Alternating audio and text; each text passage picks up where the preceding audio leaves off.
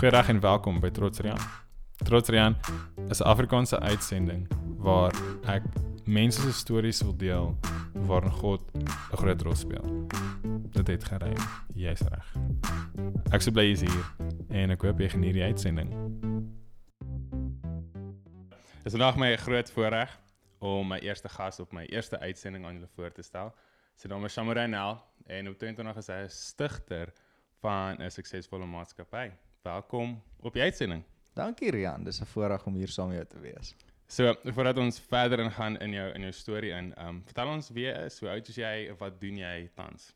Uh so my naam is Shamarai Nel. Ek uh, is getroud aan my wonderlike vrou Henry. Ons het getrou so in die middel van lockdown, meer oor daai dalk later. Um ek uh, is uh, een van vier siblings. Ek kom van af, gebore hierso of nie eintlik gebore hier, ek is gebore in Klerksdorp, maar heel lewe lank in Potchefstroom gebly area en uh ek is heidaglik die online kerkpastoor van Every Nation Faith City in Potchefstroom, wat 'n multi-site gemeente is tussen Potch Parys en Vanderbijlpark.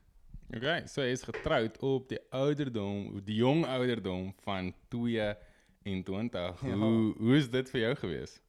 Uh ek ek dink ek was bevoorreg van ek en ek en my ek en my vrou, ons het uitgaan vir so 2 jaar. So ons het en voor dit was ons goeie vriende gewees vir ten minste 2 jaar. So ons het ten minste mekaar al solidly 4 jaar geken. So ek was baie geseënd met die feit dat ek kon half baie lewe saam doen wat lockdown eintlik vir ons lekker gemaak het is ons almal het onder een huis gebly. Um so dit ons die die die voorreg gegee om baie van die vroeë huweliksfights wat mense gewoonlik het soos die uh, jy was nie genoeg skottelgoed nie of jy ruim nie jou kamer op. Ja, om baie van daai goeders vroeg uit die pad uit te kry. Maar uh dit is dis eerlikwaar die grootste seën. Ek uh, ek sê vir mense, ek dink nie huwelik is die eindpunt van jou lewe nie. Ja, ja. Ek dink dis 'n amazing geskenk. Dis nie die eindpunt nie, maar dit is seker die grootste geskenk, die feit dat daar so iemand is en jy weet ek bedoel die Bybel is baie duidelik op twee is beter as een. Ek kan regtig daai seën sien in in ons huwelik. Nou ja, ek dink ek dink iets wat dit baie interessant maak is ons sit in 'n samelewing waar ons gedruk word ehm um, baie keer van die samelewing af, baie keer tot een van ons ouers af om nie net wenig op 'n jong ouderdom te trou nie, want ons ons ons almal kan nie net wenig uitskool uit dadelik finansiëel vir onsself mm, sorg nie en ja. ek dink dit is die groot ding wat ons wat ons ouers wil oordra aan ons is as jy gaan trou gaan dan jy moet seker maak jou finansies ja. is in plek gewees. Ja. So so dit is dit is 'n baie 'n baie bemoedigende storie. Ehm um, wat jy op jou ouderdom van 22 al getroud is en die getroude lewe is.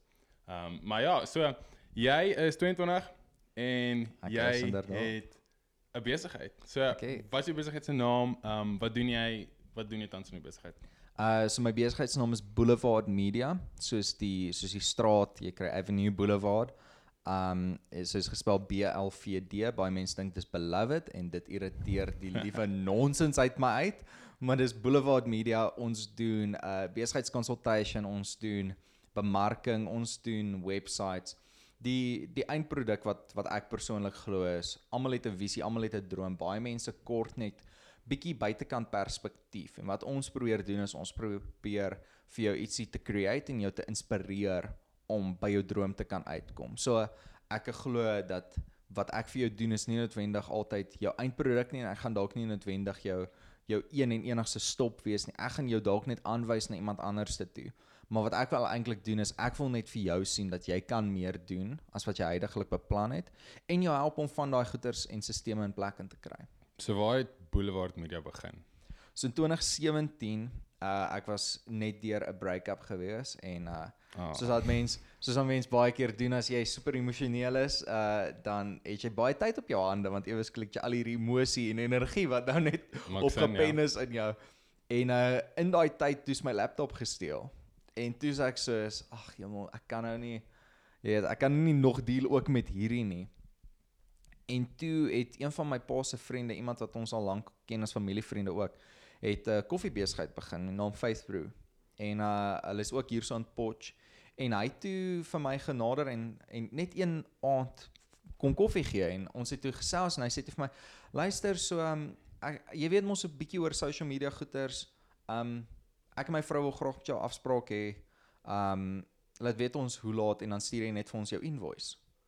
En toe sê ek eers soos wat 'n flip. ek het nie geweet wat om te doen nie. Maar toe bid ek daaroor, my pa het my toe lekker gehelp. My pa het ten minste ook 'n besigheid gehad waarvoor ek gewerk het en hy kon toe baie van die van die tips en triks wat hy al deur die jare geleer het vir my ook so vinnig gee hoe om jouself te prys.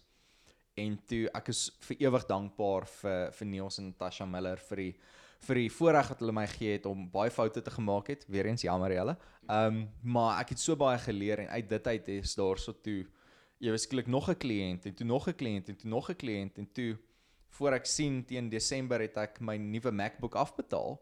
En toe sê ek soos wel prys die Here. So ek het dink baie keer in besigheid mense probeer sukses wees, maar wat ek probeer vir mense baie keer sê is is sukses is baie keer jou eie definisie en jy moet vir jouself 'n standaard self van sukses. Dit is nie om 'n Lamborghini of iets te hê nie. Dit is dalk is dit net om om studielenings af te betaal, dalk is net om 'n MacBook te kry. Dit maak nie saak nie. Wat is jou definisie van sukses en hoe kom ons daarby uit? Ek dink ons ons samelewing wat wat dit so interessant maak van die storie is ons samelewing skep dit hierdie idee van dis hoe sukses lyk. Like. Sukses lyk like jy wat met 'n wit Land Rover in die pad kan afry of wat in jou garage staan en jou vrou wat 'n Prado ry of wat dit ook al mag wees. Ja. So ek dink ons samelewing skep sukses aan materialistiese goed. Ehm um, maar ek dink jou prentjie van sukses is hierdie is hierdie ehm um, is hierdie hierdie hierdie punte wat jy behaal. So is hierdie punte in jou lewe wat jy behaal wat nou is soos jy gesê het, studielenings of of dit is jou jou jou werksrekenaar wat jy besig is om hmm. af te betaal. En dit is baie interessant. Um, ek dink ons ons ons word nie blootgestel genoeg aan dit nie. Ons word nie blootgestel ja. aan sukses wat 'n punt kan wees nie of mm. ons dink sukses is 'n einde. Ja. Maar dit is eintlik 'n deel van die pad. Dit is deel van ja. hierdie avontuur wat jy stap en dit noem jy sukses. Dit is om om te leer uit wat jy mm. verkeerd gedoen het om dit beter volgende keer te kan doen. Ja. Ja, ek stem 100% saam. Ek dink ietsie wat vir my in in spesifiek in besigheid en wat ek baie keer sien ouens die fout maak is mee as hulle hulle probeer te hulle probeer te veel te vinnig te doen en hulle probeer ek ek glo 100% dat oor hier nou met met ons geloof ook in te in te taai is God het elke dag vir jou planne en het elke dag vir jou drome die uh my mentor Dr. Don Nora het altyd gesê um God has reasons and seasons for you en die lengte van daai weet ons nie. So baie keer is dit jy gaan 'n besigheid begin en jy gaan dalk net een goeie kliënt hê, maar dit was dalk die seisoen en die rede vir daai. En wat ek agtergekom het is dat 'n spesifieke besigheid is dit daar's obviously daar's op en af en die ekonomie fluctuate heeltyd. Maar om regtig getrou te wees met wat jy in jou hand het en dit te doen tot die beste van jou vermoë. Ietsie wat ek agtergekom het is die oomblik toe ek begin geld gierig raak en die oomblik toe ek begin dink aan o as ek hierdie en hierdie hierdie goeders doen, dan kan ek dit en dit kry. Was se kere wanneer ek die rofste gehad het in besigheid. Maar die kere wanneer ek net gebid het en gewag en gesê het Here stuur vir my mense, was die tye wanneer dit eintlik die beste met my gegaan het. Want ek geweet ek het dit gedoen nie vir myself nie, maar vir ietsie hoër en vir ietsie beter. Ek dink jou fokus het begin verander. Jou fokus het begin verander ja. van jy wat dit beheer of jy wat dit wil graag beheer um nou maar God beheer dit eintlik en hy is die hy is die ou wat die wat die skuwe maak mm. en dan leer ons hoe om hom te vertrou dan leer ons hoe om hom regtig te sien as as 'n pa ja. vir ons elke liewe dag. Ja. So jou besigheid doen goed um tans weet ek nie maar maak nie saak nie. Um so hoe het jy groot geword? Um hoe hoe lyk like, hoe hoe is 22 jaar van van die lewe van samurai hoe dit gelyk? Van van waar jy vir kon onthou tot nou So ek uh, my ouers is die senior pastore en die stigting pastore van Evernational Faith City uh, geplant as die people porch. Um en So uh, ons het ons die eerste multikulturele kerk in Potch gewees wat beteken dat ons was baie populêr nie ek joke mense het ons gehaat in die dorp. Ek was in elke liewe laerskool of nie laerskool nie 'n kleuterskool in die dorp gewees en party het hulle ons weggejaag by die deur. En uh party het hulle ons net jy weet ons daar vir een of twee keer en dan noem hulle ons 'n uh, 'n lelike woord wat begin met 'n K en dan loop ons net en ons soos ons gaan nie staan vir dit nie en so ek het ek het baie vinnig groot geword met die notion die idee van uh jy's nie welkom hier nie en dit het baie goeters in my hart losgemaak van ek gaan 'n punt bewys vir mense. Ja, ek ja. gee nie om wat jy sê vir my nie. Ek weet ek's hier vir 'n rede. En so ons het groot ek het groot geword en baie gesukkel met angs en depressie en ek het ook 'n speech impediment gehad. Dit beteken ek het gesukkel om te praat. So ek kon nie rs of l sê nie. So my naam is Charmouray.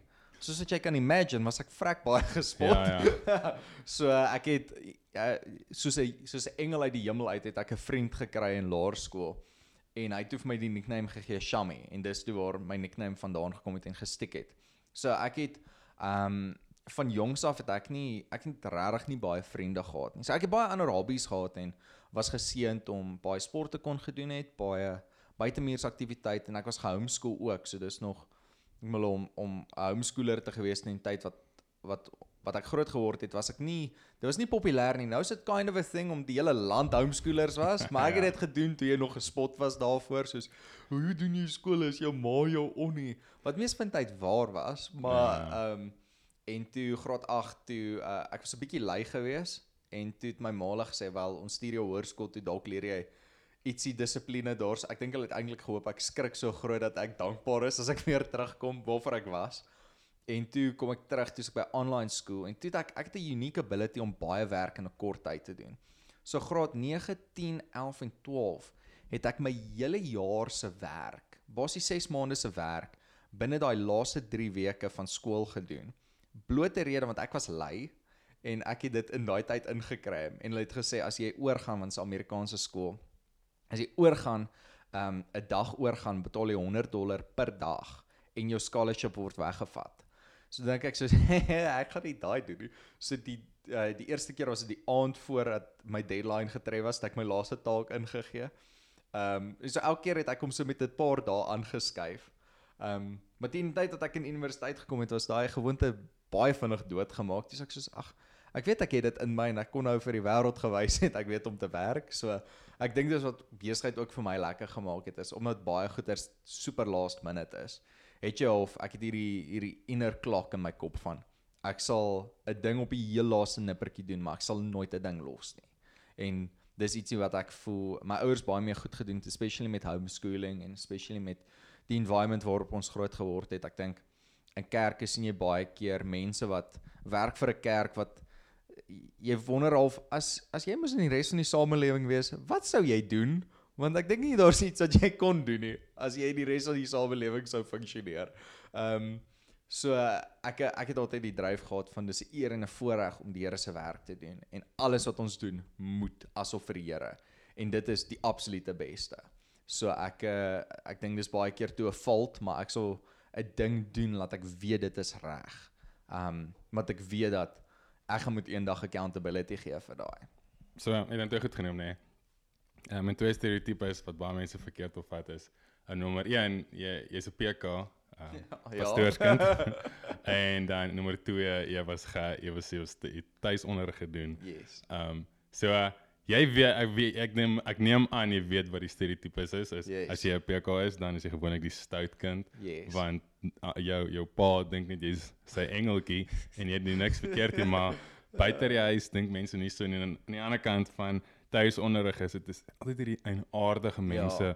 wat nie weet hoe om met jou te Nee. gesels nie, wat net wat net regtig snaaks is. Ja. En nie weet hoe om die samelewing te wees nie. So so hier waar jy vandag sit, Ja. nê. Nee, wat van daai stereotypes dink jy maak sin? Is sin Ja. is is dit akkuraat, is dit nie akkuraat nie? En hoe lyk dit van jou perspektief af? Ek eh, ek moet wel sê een ding wat my ouers omdat hulle in studentebediening was, het ons baie vinnig exposure en uh, ons het baie vinnig blootstelling gekry aan hoe dit is om met volwassenes te werk. Nou en vir ons was dit altyd soos die studente is so cool en ons wil half inpas met hoe hulle praat en hoe hulle dink en especially die mense wat ons mee te doen gaan. My ouers was baie strategies met wie hulle ons toegelaat in ons lewens. Dis altyd mense wat ons Ek het se een of twee dodgy vriende gehad, maar hulle was aan die minder kant geweest dit was meer toe ek in publieke skool ingaan.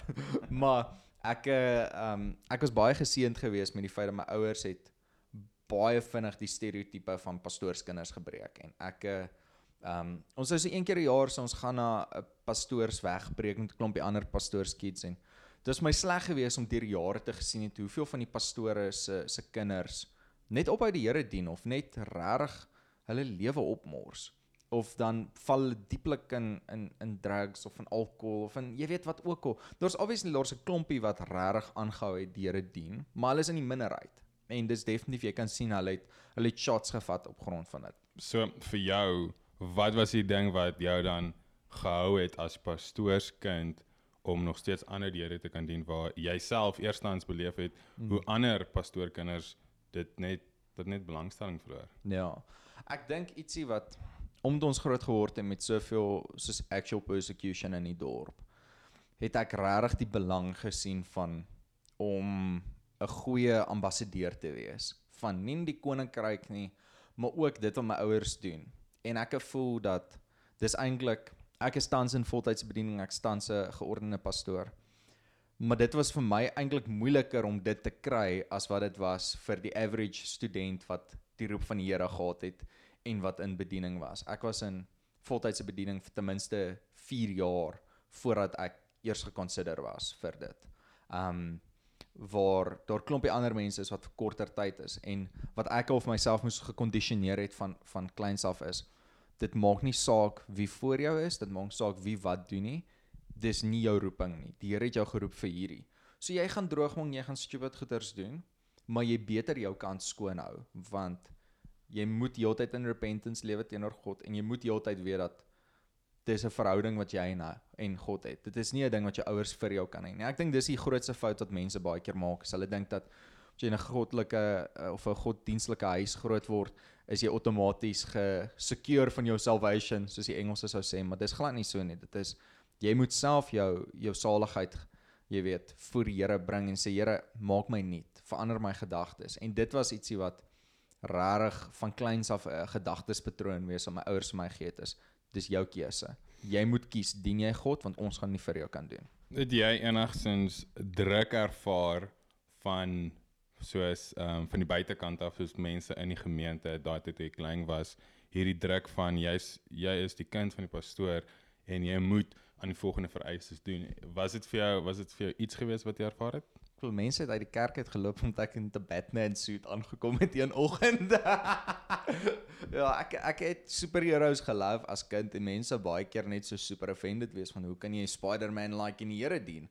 En uh wat 'n slegte voorbeeld stel jy nou hierso vir al die ander kinders en hoe durf jy as 'n pastoorskind? En ek dink my respons was altyd ek was baie lig op die die titel van my ouers gebruik. Ek dis nie ietsie wat ek net sal gebruik om my eie wil te kry en ek dink dis baie keer die fout wat pastoorskiets doen. Hulle hulle gebruik dit amper as soos 'n carte blanche tipe ding om weg te kom met stupid stuff. Ek het um baie vinnig agtergekom mense het hulle hoë hoë hoë expectations van jou. 'n Snaakse storie is my vrou het actually gesê die eerste paar keer wat sy my geken het was sy soos jy's hierdie ou is net so een van hierdie kwaai pastoorskiets want hy's net so gefokus. Jy weet hy wil net alles reg hê maar dit was want ek moes haar altyd gehelp het met die PowerPoints van die dienste. So dan sit ek in die worship team na hardloop ek gaan agter toe maar help met die PowerPoint. So ek sê ek het nie tyd gehad om vriendelik te wees. So nee. mense het altyd hierdie verwagting gehad van hierdie is wat jy moet wees. Ek was net daar's een ding wat ek glo in my lewe en dis die Here het jou geroep om consistent te wees. En om nie die wie hy jou geroep het, moet jy wees as jy saam jou vriende is of as jy voor die as jy op kansel is en jy praat vir mense en jy verkondig die woord van die Here dit moet dieselfde ou wees en ek voel dit is ietsie wat ek uh, van die jong ouderdom af myself geoefen het. En obviously mense raak beter met dit deur die jare maar ek dink dis ietsie wat vir my persoonlik sterk was is die persoon wie ek is alleen in my huis moet dieselfde ou wees wie ek op stage is. En dieselfde ou wees wat in 'n besigheidsmeeting is moet dieselfde ou wees wat vir iemand bid as hulle eers keer van Jesus gehoor het. Daai moet dieselfde ou wees heeltyd en ek dink dit is ietsie wat um in elke gelowige en elke persoon wat ergens in 'n posisie is waar mense jou sien, moet daai 'n gedagtepatroon wees van ek moet consistent wees in wie ek is. Ja. Ehm um, ek dink iets wat jy is dit jy noem is dat dit dit kom voor ehm um, natuurlik jou ouers is is is pastore um, in 'n klein gemeente en en natuurlik het hulle die hierdie groot kennis van van van God van die Bybel mm. en hoe hoe hulle kinders nou gaan begin opbring maar dit kom voor of jou ouers dit regtig dit in julle hande gesit het. Mm. Um, dit in jou hande gesit het om te sê okay, jy moet 'n verhouding hê. Ek het 'n ja. verhouding, ek kan jou wys jy's deel van my o- ongelukkig.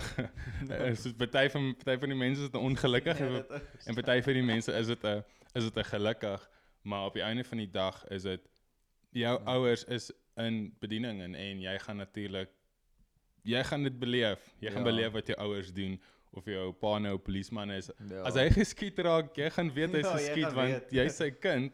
Dis nie dis dis nie dat dat, dat julle kinders soos blind is ja, van wat die ouers besig is om te doen nie.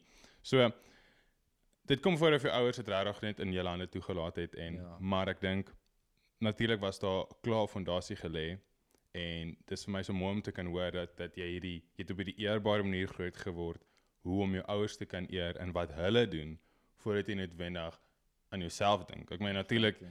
is soos klein en ons is ons ons, ons is besig om te ontwikkel, ons is besig Ja. om te ontwikkel deur te dink en en hoe om te dink wat hoe om 'n situasie te evalueer en al hierdie dinge want maar baie keer vir 'n klein kind is ons meer meer geneig om op onsself te fokus soos wat Ja. kan ek nou doen en ek meen om soos wat jy genoem het jy jy was in kleuterskole gewees waar mense hulle snaaks uitgekyk het as gevolg van die gemeente wat jou ouers geplant het Ja. so dit dis my iets waarvoor ek jou waarvoor ek jou kan eer ehm um, is hoe jy hoe jy jou ouers se roeping dit wat hulle gedoen het hoe jy onder dit geval het Mm. en onder hulle onder hulle en saam met hulle beweeg het en hulle ook ondersteun het daardeur. Ehm um, en dan so aan die ander kant tuis onderrig. Ehm um, dit dit amper half genoem dat jy jy sou dit nie anders te wou gehad het. Jy sou nie na 'n publieke skool toe gegaan het nie, want dit was meer vir jou 'n bangmaak storie toe jou ouers jou stuur. Ehm um, so tuis onderrig is is dit iets wat jy voorstel, is dit iets wat jy aanbeveel? Ek eh, as jy ernstig is oor jou kind se breinselle dan ja. Kom ek sê ek gaan baie direk en eerlik wees. Ek kan sien hoe my intelligensie twee keer dit was van ouens my ouderdom op 'n lae ouderdom net op grond van die feit dat ek forceer was om te lees. Ek was forceer om om my brein te ontwikkel in maniere wat gewone kinders nie so wat wat gebeur het is um dis nou eintlik 'n lang gesprek is skool was nooit 'n konsep tot en met die industriële gebied nie want hulle wou tieners besig hou en jy sou jy sal lees van soveel mense wat op die ouderdom van 13 die wêreld verander het. Ek bedoel George Washington op die ouderdom van 13 het soos weermagte kon lead. En dit was nie uncommon nie. Dit was net 'n ding van soos as jy 13 is jy 'n man. So wat gebeur is in tuiskool is jy word amper weer teruggesit in daai tot 'n mate van jy neem verantwoordelikheid oor hoe jy leer. En obviously jy kry die mense wat dit ook net hanteer so skool en of soos 'n een oor en ander oor uit. En uh, ek en my broer het altyd ge, geterg en ons gesê kry hierdie tipe homeschoolers. Jy kry die my my hele familie dra tinfoil hats want die aliens gaan kom. Die ander is is die aliens want hulle is net so weird en dan kry jy die een of twee normales wat so bang is vir die res, maar hulle het ook geen vriende, so hulle is so sosiaal awkward. Um So waar val julle in? uh, ons is ons is in 'n uniek uh, kategorie. Uh, uh nee, ek ek, ek dink wat ons ge wat wat my ouers ook obviously gedoen het, is hulle het ons geforseer om goeders te doen wat ons nie noodwendig wou nie, maar hulle het geweet en ek dink dis ietsie wat ek wat ek kan of wat ek saam my sal altyd dra is die feit dat jou kinders weet nie noodwendig altyd beste nie en hulle is nie volwasses nie want hulle brein is nog nie vol gedevelop nie en tot party volwassenes se breins is nog nie vol develop nie. So ek dink dit is baie keer nodig vir jou as ouer om die call te maak en sê jy gaan hierdie doen en al like jy dit nie want jy gaan 'n skill hier uitkry. Ek wil ek moes klassieke klavier vat en as nie vir dit was nie, sou ek glad nie verstaaning hê van musiekteorie wat ek nou. En dit was nie my lekker nie, maar ek's nou dankbaar daarvoor. En ek dink wat tuisonderrig my toegelaat is, eerstens ons kon in tye sport en buitemuurs aktiwiteite doen wat die gewone skooliere nie kon nie. So was vir ons goedkoper en lekkerder geweest want dis eintlik bietjie meer privaat. So ek kon soos 9:00 die oggend op 'n Dinsdag kon ek gegaan vir 'n klavierles en 10:00 kon ek gaan golf speel het. Jy weet, 'n golflesse kry. En terwyl almal anders te elwe gehad het, het ek so science eksperimente gaan doen saam iemand in in die botaniese tuine. So dit was my regtig cool geweest en ek dink wat tuisonderrig jou toelaat is, um dit laat jou baie meer leer op die styl wat jy goeders verstaan. Nie almal is 'n ek sien 'n ding op 'n bord, ek hoor hoe iemand praat en ek verstaan 'n ding. Ek is glad nie so nie. Ek is baie ek moet dit ding kan herhaal. Ek moet dit ding kan vir myself verduidelik om te verstaan. En die klas opset is nie vir my nie, net om 'n punt te bewys op dit. Ek was graad 8 was my gemiddeld 66.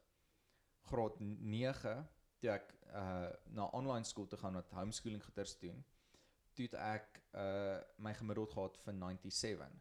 Um huidigelik is ek 'n uh, ons Amerikaanse stelsel, so ek kan nie presies die conversion doen nie, maar ek's 'n straight A student op universiteit net op grond van die feit dat die dissipline wat ek geleer het in homeschooling apply ek tot vandag toe.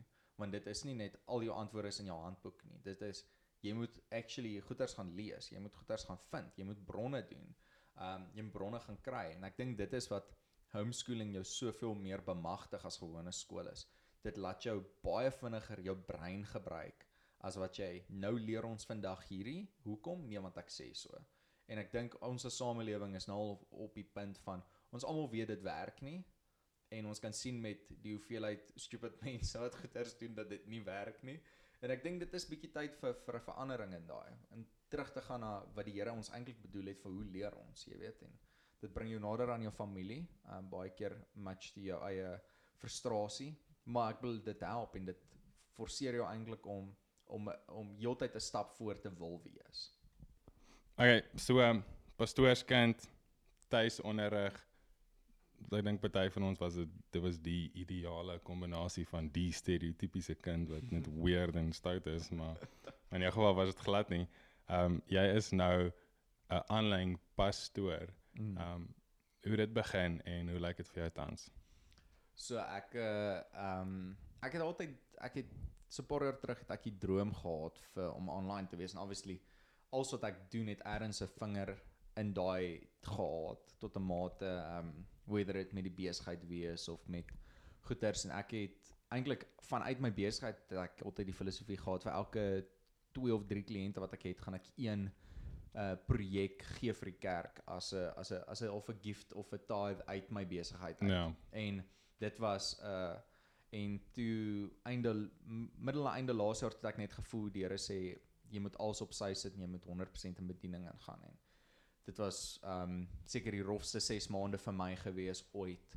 Um maar aan die einde van dit het ek amazing uh voorreg gekry om Amerika toe te gaan en uh hoe hoe ons bediening goeders werk is is jy is op partnerships se mense partner elke maand met jou en binne 2 weke is my partnership goal van 100% na 1000%. So dit is letterlik 10 keer van wat ek gesaai het elke maand is my huidige salaris. Wat net 'n amazing blessing was. Um so dis nou obviously tussen besigheid en goeders en toe COVID begin, toe ek ewe skielik uh, ek's in Amerika gewees besig om uit te help daarsin te dien by Kerk Church of the King in Lake Charles.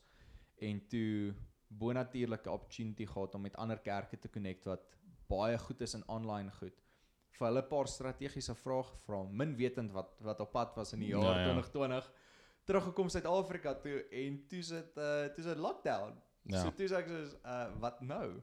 En toe op pad actually op die vliegtyg terug, toe message ek my pa toe sê ek Here het my gepraat. Ek ek weet presies wat ons moet doen as kerk. Ek weet presies en ek begin toe te skryf aan 'n plan. Amper soos dat ek besigheidsplan sou skryf, skryf ek een vir die kerk Ja.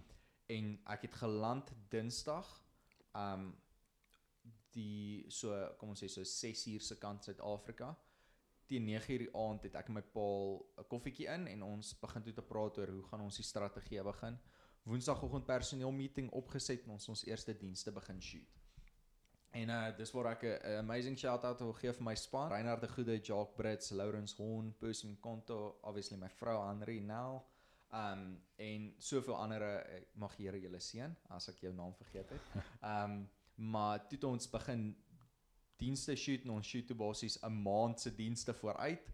En uh toe disperse ons almal met lockdown en hoekom ek opgebring van my finansies was deur het my regtig geseën dat soveel van die goeders wat nie sou kon gebeur het, kon ek 'n blessing voorwees en ek kon eintlik teruggee vir my gesin, teruggee vir vir my vir my familie en vir my geestelike familie ook. En daar soveel goeders waar ek is. Ek voel persoonlik weer eens met besigheid en als finansies die Here seën jou nie vir jouself nie, die Here seën jou vir ander. Ja, En dit was vir my 'n blessing geweest want ek kon ewe skielik teruggee en ek kon ek kon 'n blessing wees. En dit was vir my amazing want ek was bemagtig geweest om dit te kan doen Ja, met ja. online voel dit ons kan ewe skielik waar ons sou op 'n op 'n koue reënerige sonoggend sou ons dalk 50 mense by een diens en dalk 70 by die ander kry kan ons nou consistently in die honderde en tot in die duisende baie keer mense ja. bereik en dit dit gaan absoluut nie oor nommers nie dit gaan oor harte en mense wat getransformeer is en daar's nou getuienisse van mense wat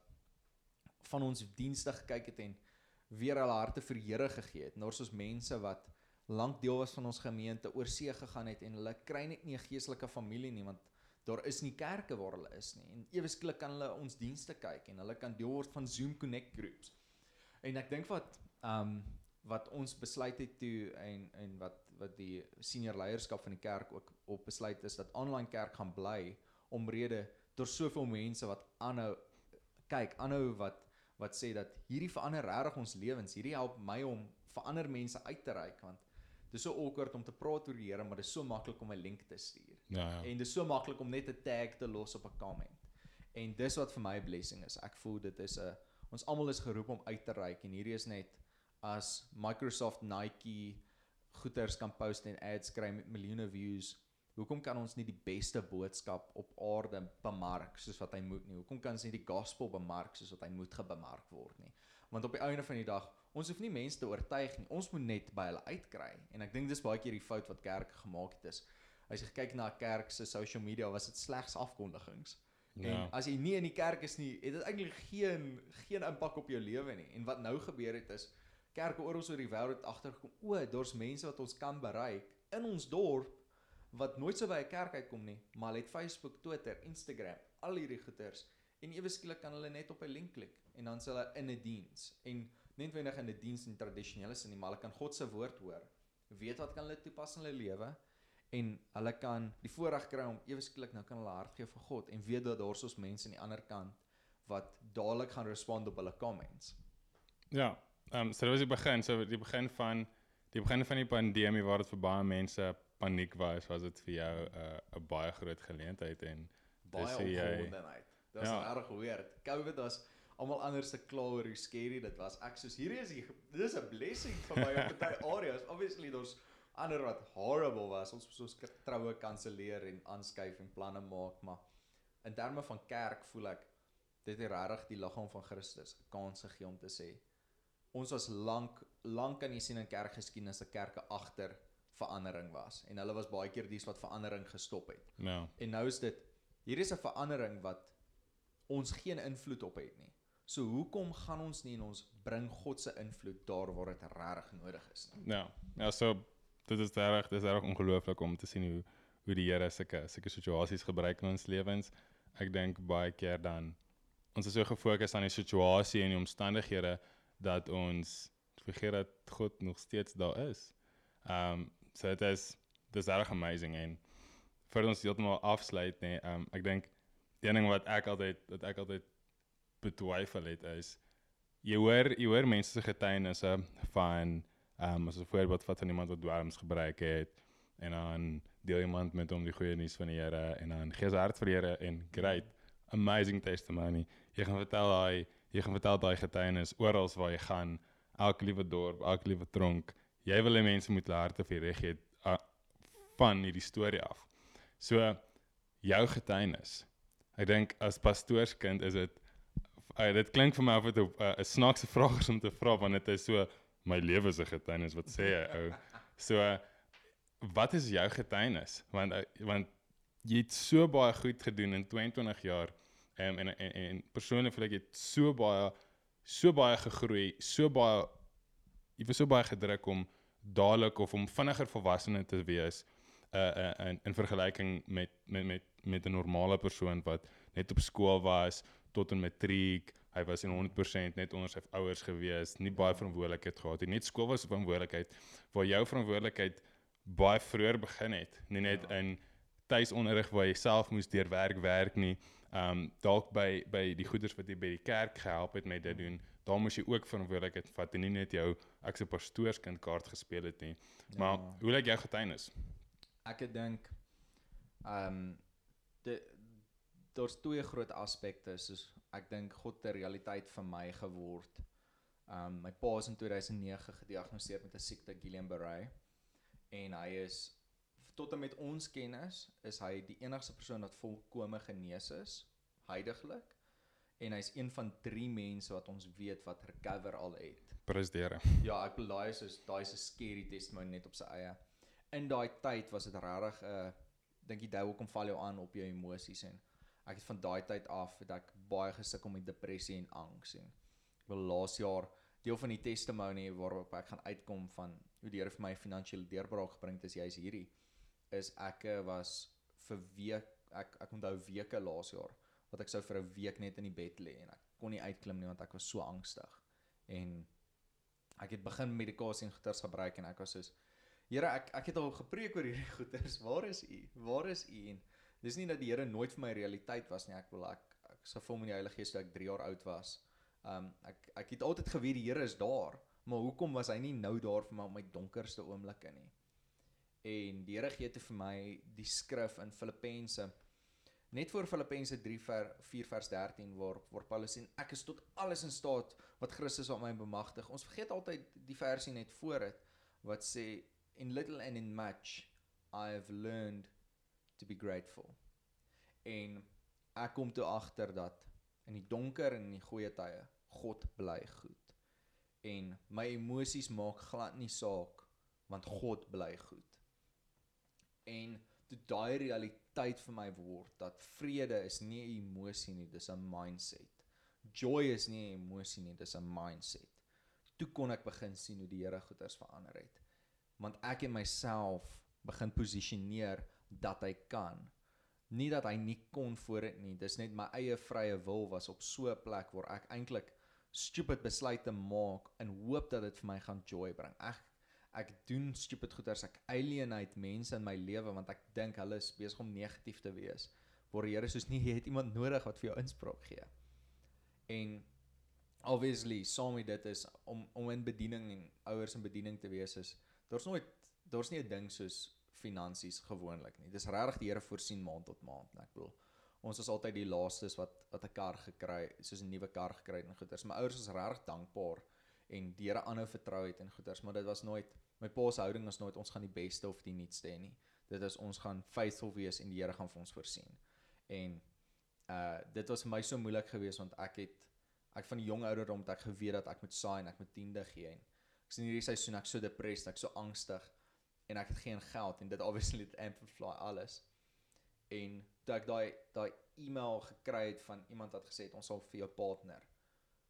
Dis ek sê hierdie is glad nie hoekom ek dit gedoen nie. Hierdie is net ek weet wat die Here wat vir my gesê het is jy was faithful in die in in die in die valley. So ek gaan faithful wees in die mountain top. En ek dink dit is wat vir my die re realiteit is in little and in much I've learned that I can do all things through Christ Jesus that strengthens me. En waar waar my bemoediging is vir vir jou as luisteraar is baie keer voel jy ek sien nie my deurbraak en ek sien nie God se goedheid nie en ek voel dit nie. En ek wil vir jou sê dat God was te lank te getrou om vandag te lieg vir jou. Jy's spesiaal, maar jy's wraggies nie spesiaal genoeg dat God sal sy woord breek vir jou nie. En ek dink daai realiteit het so sterk in my ingevestig van God gaan voorsien. En ek dink baie keer is dit juist die ding wat mense doubts het, is gaan God voorsien. En ek ek bly staan hier so of sit hier so eintlik nou voor voor die vandag en sê dit is 'n waarheid, God hou aan voorsien. In die middelpunt van 'n lockdown het hy vir my voorsien. In die middelpunt van die most uncertain times in my lewe het hy my genees en vir my voorsien. En ek dink dit is wat my my getuienis is is 'n God wat aanhou ges voorsien en haal my uit die prentjie uit heeltemal want ek weet van soveel ander mense waarmee dit ook gebeur het. En ek dink as God dit kan doen vir my, ek's nie spesiaal genoeg dat hy dit net sal doen net vir my nie. Hy wil hê ons almal moet in prosperity lewe. En dis nie net geld nie, dit is om in oorwinning te lewe. Ja. So, En ek het ek het gegrap dat ek sê jou hele lewe is 'n getuienis, maar maar tog is dit die waarheid. Ek, ek dink dat jy ons ek dink ons ons is in in die hierdie illusie van jou getuienis geld net wanneer dit hierdie groot draaipunt is in jou lewe waar jy van donker na na lig toe is of soos in Paulus se storie waar hy gegaan het om Christene dood te maak en toe draai om nou gaan hy om Christene te maak. Ja. Ehm um, so dit is regtig ongelooflik en ek dink vir vir jy wat luister, dit dit is dit is iets wat jy moet vat. Jou jou getuienis is nie noodwendig hierdie groot draaipunt en dit hoef ook nie hierdie groot draaipunt te wees Ja. nie. Dis reg net hoe getrou is jy en en as jy God ken, wat dien jy?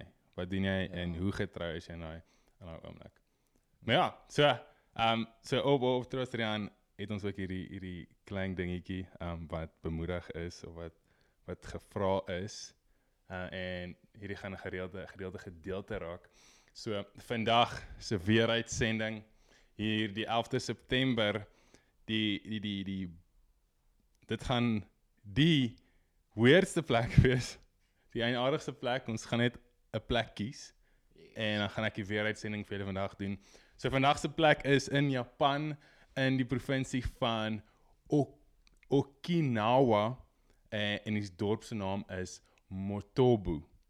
Weer uitsending vandag is is 28 grade Celsius en daar is glad nie 'n wolk in die lug nie. So as jy uit Japan uit luister uit Motobu, ek kan sonder, sien jy het 'n baie lekker dag. Ja. Ehm um, en dan ook so voordat ek voordat ek hierdie hierdie hierdie uitsending begin het en ek noem dit 'n uitsending spesifiek want so in Suid-Afrika het ons het ons natuurlik praat ons ons baie praat Afrikaans nie almal nie, maar Afrikaans is is die taal van hierdie uitsending vandag.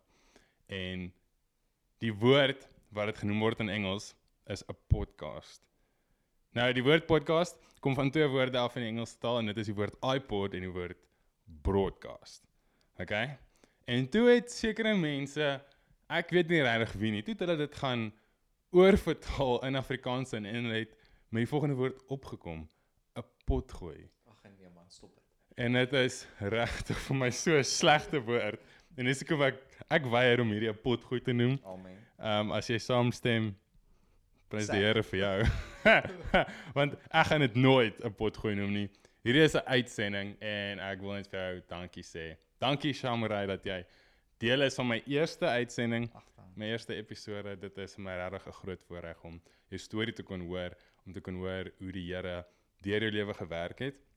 Nie net as pastoorskind nie natuurlik, as jy dis deur tuisonderrig en nou staan jy vandag op 'n plek waar jy 'n aanlyn pastoor is besig om 'n besig om 'n span te lei om die wêreld te bereik deur wat jy doen elke liewe week. Um, maar aan die ander kant ook jy jy is 'n man, jy's 22 jaar, maar jy's 'n man tot Henry nou. Ehm um, is my so groot groot voorreg om jou vandag hier by my te kon gehad het. Ag dankie, is 'n voorreg om in die ateljee te wees en uh bid seëning en en goeie voorspoed vir al die luisteraars. Baie dankie. Dit is die eerste episode van Trotsrian. Tot volgende keer. Sien jou dan. En ek sien jou maar hoor jou dan. Chappies. Kom